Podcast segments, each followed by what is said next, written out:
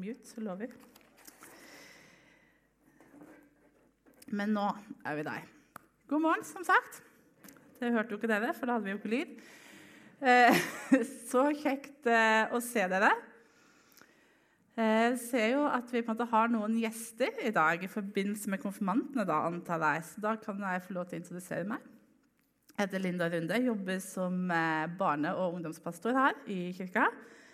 Og er den som har æren og gleden av å være mest sammen med konfirmantene. I tillegg så har jeg med meg en hel haug med fantastiske ledere som gjør en utrolig god jobb. Så tenker jeg at For dere alle dere nå som tenker at dere skal være med og, og be for konfirmantene framover, så tenker jeg at det skal vi, og det er kjempeviktig. Og skal vi òg be for konfirmantlederne. Eh, for de trenger òg det. Vi trenger det. Jeg vet ikke om dere måtte noen ganger kjenne på sånn tidsklemme. Eh, det gjør iallfall litt jeg. Og f.eks. denne uka så um, har det vært ganske mye som har skjedd, og jeg har brukt utrolig mye energi og tid på, måte, på liksom det praktiske rundt denne gudstjenesten. Så gikk det litt opp for meg eh, Jeg visste det, altså, men med full tyngde i går at å ja, jeg skal jo også tale. Stemmer det? Midt inni på kortskriving og sjokoladehandling og telefoner og meldinger hit og dit. Og så visste jeg det jo, eh, for eh, vi har jo en plan. Og så hadde Sten sagt til meg da, at, eh, at, jeg skal få lov til å tale om Johannes. Og ganske langt ut i uka så var jeg ikke engang sikker på hvilken Johannes. Det er jo mer enn én Johannes i Bibelen, men vi går altså for Johannes støperen. Eh, og jeg syns at han er en veldig spennende person, og som jeg på en måte ikke helt alltid får taket på. Um, og egentlig så passer han veldig godt Um, på en sånn dag som det her, med konfirmantpresentasjon og med ungdommer. fordi at på mange måter så, så syns jeg at han framstår litt sånn ungdommelig i det at han Selv om man, måte, når, han, når, vi møter han i Bibelen, er nærmere min alder enn konfirmantene sin alder, så han var utrolig kompromissløs og tydelig og på en måte har et budskap som han har lyst til å nå ut med som veldig mange ungdommer har.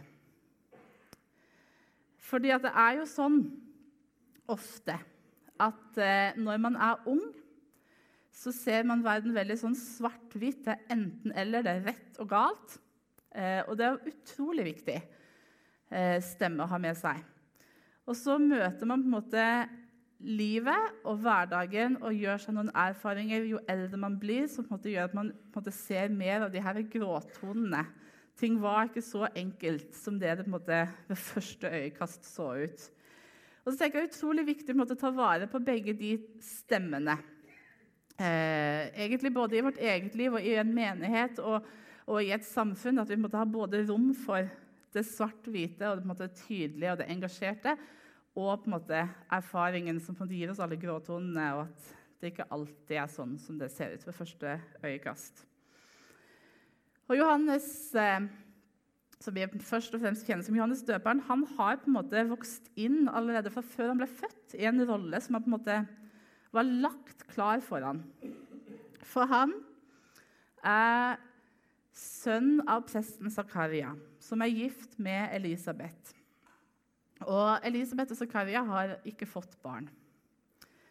Eh, og Hvis vi kan kjenne på ufrivillig barnløshet i vårt samfunn, så tror jeg at måte, Elisabeth og Zakaria kjente uendelig mye mer på det. fordi det var et samfunn hvor barn og familie måte, er den eneste viktige måte, bære bjelken. Altså, uten barn så har du måte, ikke noe nettverk. Du har ingen som skal ta vare på deg når du blir eldre. Og som kvinne uten barn så har du ingen verdi. Eh, og Zakaria og Elisabeth vi har bedt om barn lenge. Eh, og Zakaria får besøk av en engel i tempelet når han er der og gjør tjeneste som prest, som sier at han og Elisabeth, som da er gammel og så gammel at de med rimelighet ikke kan få barn, eh, skal få en sønn. Eh, Zakaria tar ikke dette helt for god fisk. Så måtte tenke at Hvordan skal det egentlig gå til? For jeg er gammel, Elisabeth er gammel, og foreløpig har vi ikke fått noen barn. Eh, og Derfor så mister han stemmen. altså Han får på en måte ikke lov til å fortelle dette videre før måte, barnet er et faktum og barnet har fått navn. Eh, og Johannes eh, blir født og får navnet 'Gud er nådig', som på en måte sier noe om måte, den rollen han er, for han skal ha. For han er med og forteller til Israelsfolket at Gud er nådig, og nå kommer måte, frelseren. Så er det sånn at Johannes er i slekt med Jesus. Elisabeth er gravid, og Elisabeth er i slekt med Maria. Så når Maria blir gravid og venter på Jesus, så på har de kontakt sammen.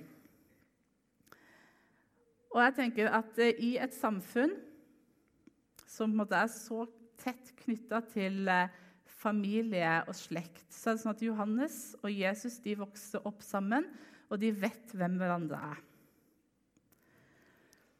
I 30 år. Og på et eller annet tidspunkt så skjønner Johannes å få vite Det vet vi ikke, og det hadde egentlig vært interessant å vite hvordan. Men det får vi ikke vite. Men på et eller annet tidspunkt så skjønner Johannes at det er Jesus, slektningen sin Jesus, som er den Messias og den frelseren som jødene går og venter på. For en latterlig tanke egentlig, å tenke at uh, her er søskenbarnet mitt, eller tremenningen min, som, som faktisk er verdensfrelser.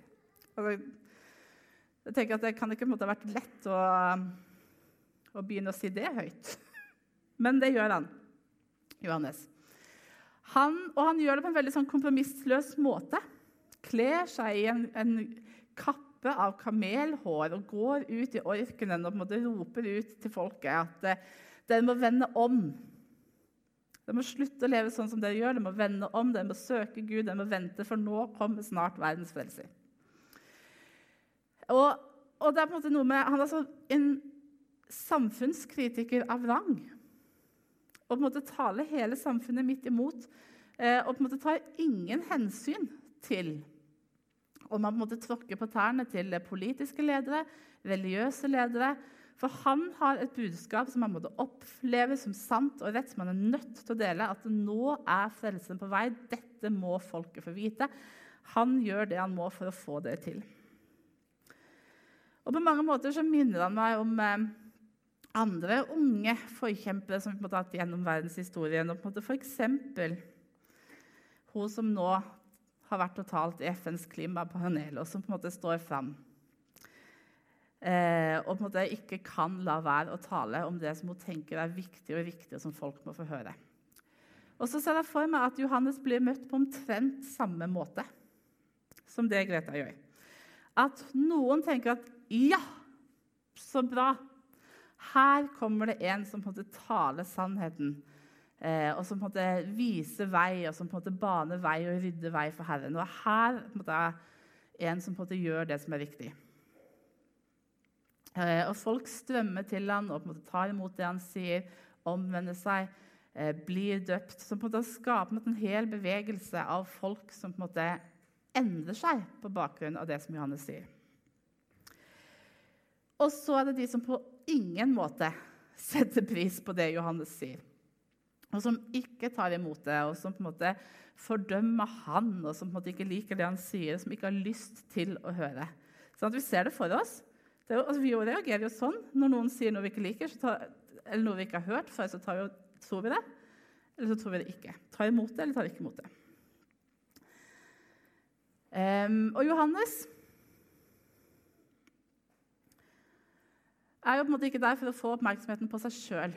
Det er jo ikke Johannes som er den som skal være i sentrum. Han er der fordi han har fått en oppgave, det er å rydde vei for Jesus som skal komme.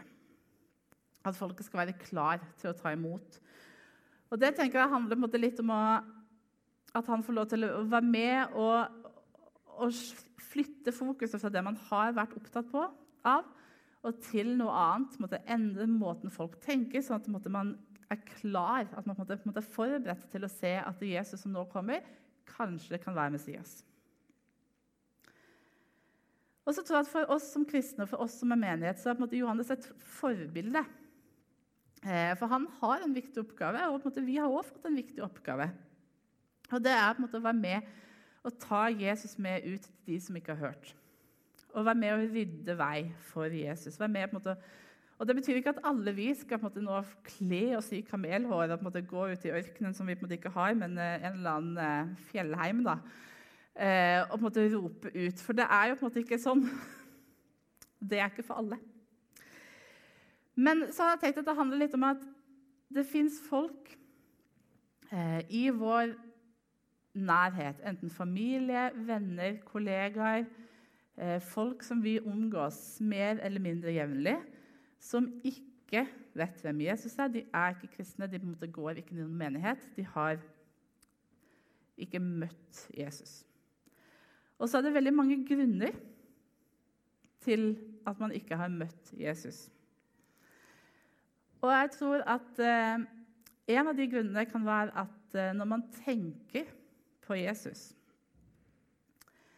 eh, så tenker man òg på kirka, og så har man kanskje en opplevelse av kirka eller de kristne som, måte, som vanskelige, fordømmende, trangsynte, som gjør måte at Jesus blir uaktuell. Altså Man hiver måte babyen ut med badevannet. Og Da tror jeg at vi som kristne kan få lov til å være med og måte, bygge ned den eh, hindringen i måte å vise at eh, eh, jeg er ikke en representant for en måte, altså noe annet enn meg selv.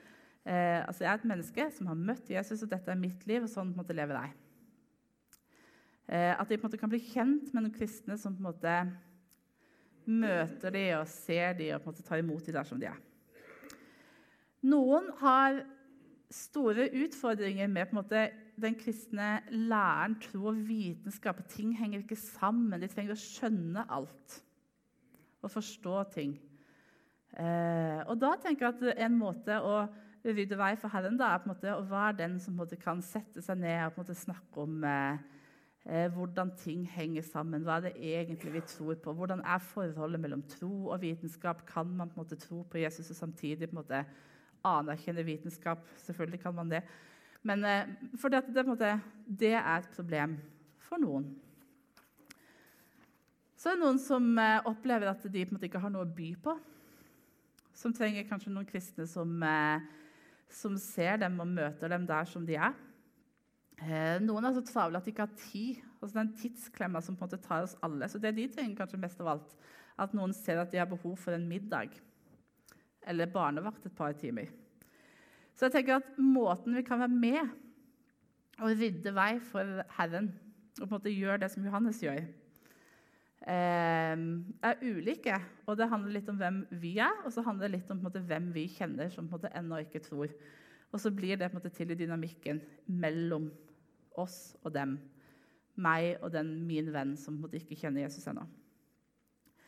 Um, sånn at, da tenker jeg at Johannes er et kjempeforbilde og verdt å ta med seg i det. Men så stopper jo ikke fortellingen om Johannes der. Og jeg tenker nesten heldigvis. Fordi at hvis dette hadde vært alt, så hadde måtte, Johannes vært en sånn superperson som måtte, var vanskelig å strekke seg etter, og som på en måte ikke vi helt eh, orker å forholde oss til. Sånn vet, De som på en måte alltid sånn, får alt til. Som framstår som sånne perfekte Facebook- og Instagram-mennesker som på en måte har løpt eh, en mil og bakt to brød og en ladning med kanelsnurrer før de på en måte går ut døra om morgenen. Dessuten så spiste de Altså, de hadde selvfølgelig tid til å spise frokost, eh, og det var ikke på en måte vanlig frokost. Det var jo selvfølgelig smoothie med chiafrø og jeg vet ikke hva. Eh, altså, det måtte noe med Hva slags eh, forbilder har vi? Eh, og Hvis måtte, dette var alt med Johannes, så hadde han vært ganske ulikelig som forbilde. tenker jeg. Men det er måte ikke det her det stopper. For Johannes eh, eh, forteller om Jesus. Eh, blir likt av noen og ikke av andre. Johannes den som døper Jesus, derfor kaller han for Johannes døperen. og på en måte resultatet av å på en måte tale imot de religiøse og politiske lederne, at han ender opp i fengsel. Og det er nok ikke stas, tenker jeg. Og så føles det kanskje veldig urettferdig for Johannes, for han har gjort det som han var født til. Altså Før han var født, så hadde han fått den oppgaven og så gått inn i den oppgaven med liv og lyst og med kamelhår og honning og alt mulig rart som han holdt på med der i, i villmarka. Og så er på en måte belønningen for det at han blir fengsla og, kast, eh, kasta i fengsel. Og så sitter han i fengsel der, og så begynner han å tenke Hva det helt riktig, dette som jeg holder på med? Kan jeg være helt sikker på at Jesus er den frelseren som vi har venta på? For, og her følger jeg Johannes et godt stykke på vei Hvis Jesus hadde vært den som Johannes trodde at Jesus var, hvordan kan Johannes, som da på en måte har gjort alt rett, og som har levd for dette helt og fullt måte, Hvorfor har ikke han det bedre? Hvorfor er ikke Johannes sitt liv bedre enn at han nå sitter i fengsel for å ha gjort det som måte, var hans oppgave i Guds store plan? Så kunne vi hatt en sånn håndsoppretning, men vi skal ikke det. Men jeg er sikker på at, at veldig mange som sitter her eh, og som lever med Jesus, har måte hatt den opplevelsen på et eller annet tidspunkt. At det oppleves ikke som om livet er sånn som eh, jeg ville. At et eller annet i livet er vanskelig. At til tross for at eh, jeg gjør, lever sånn som jeg tror er viktig, gjør alle de riktige tingene, så på en måte raser livet på en eller annen måte. At vi opplever sorg eller savn, smerte, sykdom altså, Det virker ikke som at livet er rettferdig, for det er det jo ikke. Og da er det utrolig lett at den tanken kommer at hvis nå Jesus er den som jeg trodde at Jesus var Hvis Jesus virkelig er verdens frelser, hvis Jesus virkelig er Gud, hvis Gud har all makt, hvordan kan jeg, som tror på han, ikke ha det bedre? For er Jesus bare tull. da. Har han lurt oss? Det er jo lett å tenke sånn, det er naturlig å tenke sånn. Noen ganger er det kanskje sunt å tenke sånn. Og så gjør Johannes noe lurt. For istedenfor å bli værende der, så går han til Jesus med tvilen sin. Ikke helt bokstavelig, for Han sitter jo i fengsel, men han har noen disipler som har fulgt etter han, og Han sender disiplene sine til, Johan, til Jesus, og så spør han er det deg vi venter på, eller skal vi vente på en annen? Som er et veldig betimelig spørsmål. Er det deg vi venter på, eller skal vi vente på en annen? Har jeg tatt feil? Og så kunne Jesus ha møtt ham på utrolig mange måter. Eh, for Jesus kunne på en måte sagt at eh, ja. Jesus kunne for så vidt ha sagt nei. Jesus kunne ha sagt 'skjerp deg'. Ta deg sammen. Har du på en måte ikke forstått mer, skjønt mer. Du har jo trodd på meg og måte, gjort dette hele livet ditt. Altså, Hvordan kan du av alle Johannes begynne å tvile nå? Men det Jesus gjør, er at han møter Johannes der som han er. Eh, går ikke inn i noen diskusjon, går ikke inn i noen debatt. Han bare sier til Johannes sine disipler gå tilbake til Johannes og fortell om hva dere ser. Blinde ser, døve hører, døde står opp. Evangeliet forkynt til de fattige. Og så blir det selve beviset. for det som er greia er at I denne kulturen og for jødene så har de på en måte vokst opp fra de var bitte, bitte små med den forventningen og kunnskapen om at en gang der framme så skal Gud sende en frelser. Og når han kommer, så skal det skje at de som er blinde, får syn igjen. At de som er døve, får hørselen igjen. At de som er fattige, blir møtt. At de som er døde, står opp. At de gode nyhetene blir fortalt til alle. Så Johannes vet at det, det er det de har venta på.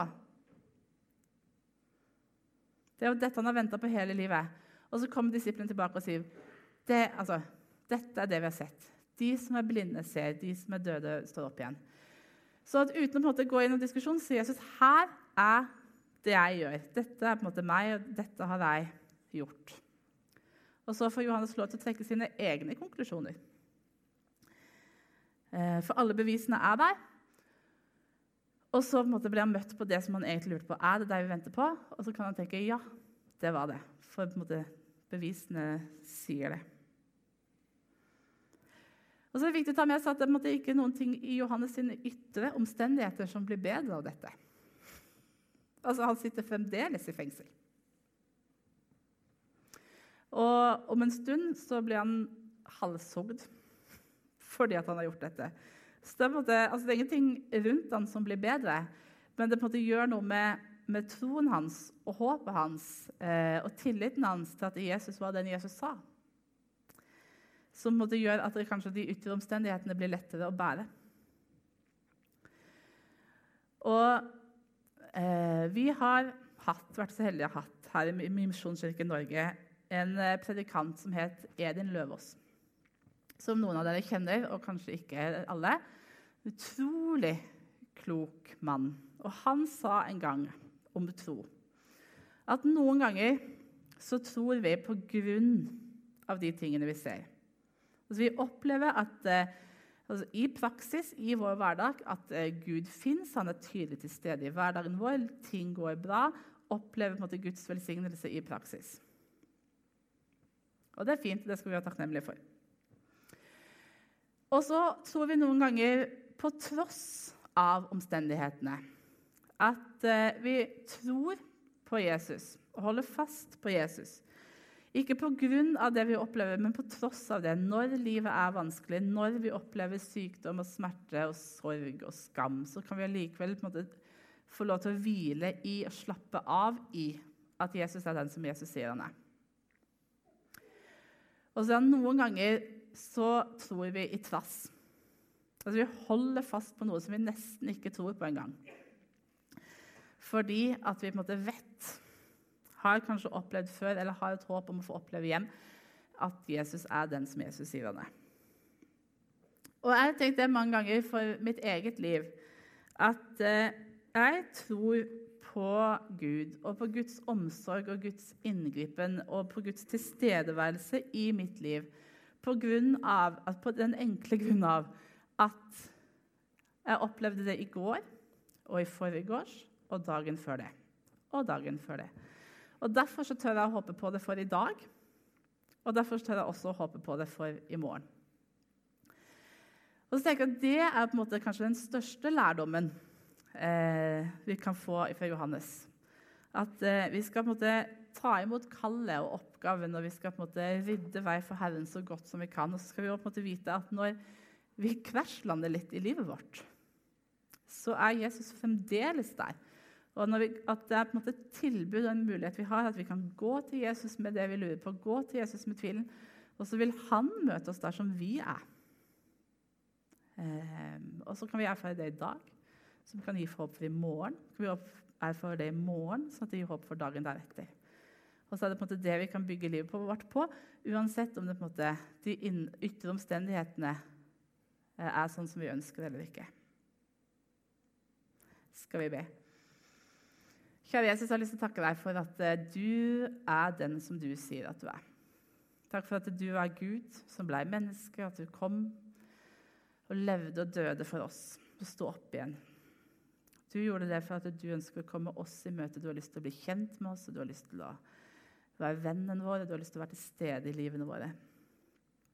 Takker deg for at eh, vi kan få lov til å tro på det og leve i det. Noen ganger pga. at vi ser at det er sånn, og noen ganger på tross av at det ikke ser sånn ut. Og noen ganger kan vi holde fast i det i trass, uansett hva som eh, skjer. Jesus, jeg ber om at eh, du skal hjelpe oss å se det. Åpne øynene våre, sånn at vi ser mer av din inngripen i livene våre. Så må du gi oss styrke og mot og evnen til å fortelle det videre til andre. Og dele og våge å være ærlig og vise hvordan du er til stede i våre liv, sånn at andre kan få lov til å se hvem du er. Amen.